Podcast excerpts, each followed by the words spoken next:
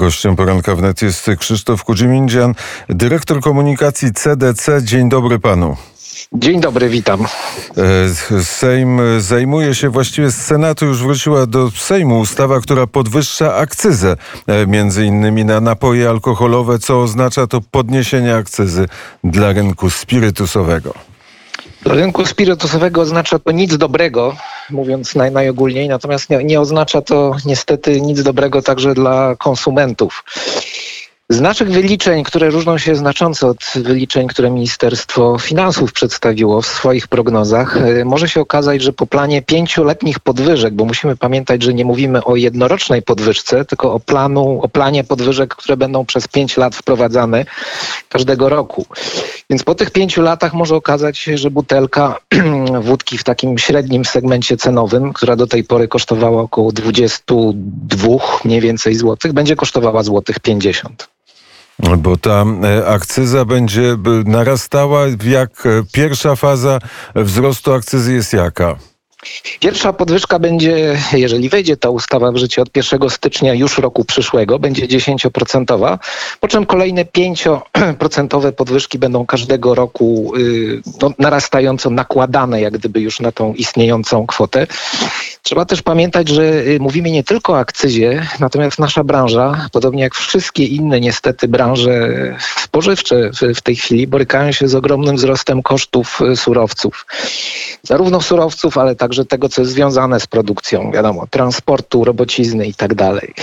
To wszystko powoduje, że te koszty rosną dużo szybciej, nie mówię już nawet o, o inflacji, niż, niż te wyliczenia, które Ministerstwo Finansów pokazuje tak drastyczna podwyżka, naszym zdaniem, nie jest uzasadniona w tej chwili. Y, nie jesteśmy przekonani do argumentacji, że powodem tej podwyżki jest cel prozdrowotny. Wydaje nam się, że powodem tej podwyżki jest tylko i wyłącznie cel fiskalny.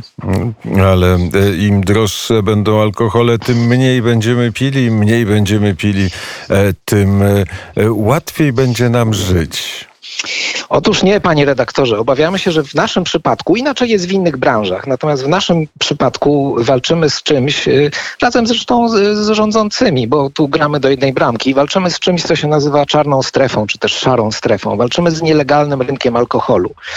I obawiamy się, jesteśmy przekonani, że w tej sytuacji, po wejściu w życie tej ustawy od 1 stycznia, w Polsce niestety produkcja przez y, przestępców, przez mafię y, lewego alkoholu, lewej wódki stanie się nieprawdopodobnie opłacalna. Można, można sobie gdyby dopowiedzieć, co się, co się stanie dalej. E, szara strefa e, jest duża? Z szacunków, które y, robiła Fundacja Republikańska dla naszej branży y, około 3-4 lat temu, wynikało, że może to sięgać nawet kilkunastu procent. Y, dużo w tym zakresie zostało zrobionych dobrych rzeczy, także przez KAS, przez służby, służby celne, przez, przez policję. Natomiast problemem jest to, że mafia używa, czy grupy przestępcze używają spirytusu skażonego, czyli spirytusu do celów przemysłowych, produkcji na przykład spryskiwaczy do szyb w samochodach, odkażają go i z tego robią Wódka oczywiście bez banderoli, czy alkohol bez banderoli, więc traci na tym także skarb państwa.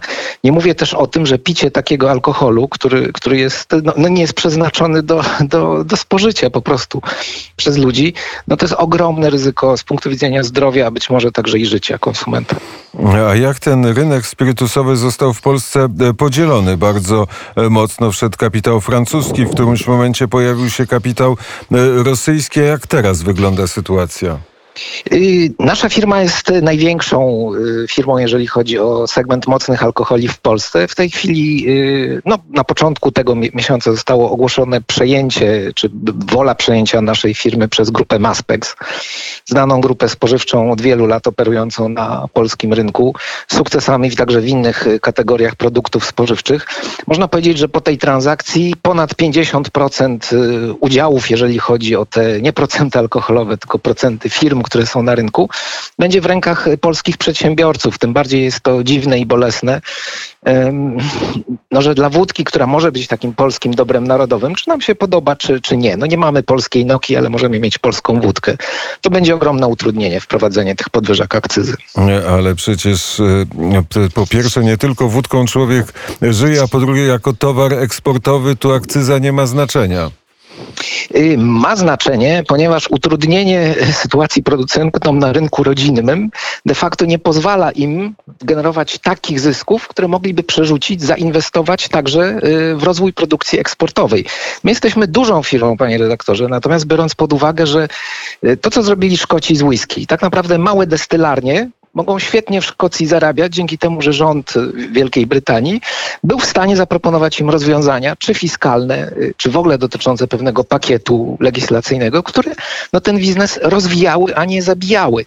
I oczywiście wódka jest tylko pretekstem, bo wódka jest jednym z produktów spożywczych, a produkty spożywcze, y, jabłka, wędliny, sery, owoce, to jest to, z czego Polska może w świecie słynąć, bo jakość produkcji spożywczej mamy doskonałą w Polsce. Akcyza nie tylko na napoje alkoholowe wzrośnie, ale również na papierosy. To prawda, tutaj sytuacja jest y, nieco inna. Wiąże się to też y, z tym elementem zdrowotnym, o którym mówimy. Natomiast y, różnica pomiędzy papierosami a nami jest taka, że w przypadku papierosów, y, no okej, palenie szkodzi. W przypadku alkoholu uważamy, że szkodzi nieodpowiedzialne spożycie. I uderzanie jak gdyby w każdego konsumenta, nie adresując realnych problemów związanych z nadużywaniem alkoholu, co jest oczywiście straszną rzeczą i z tym należy walczyć. Nasza branża z tym się zgadza.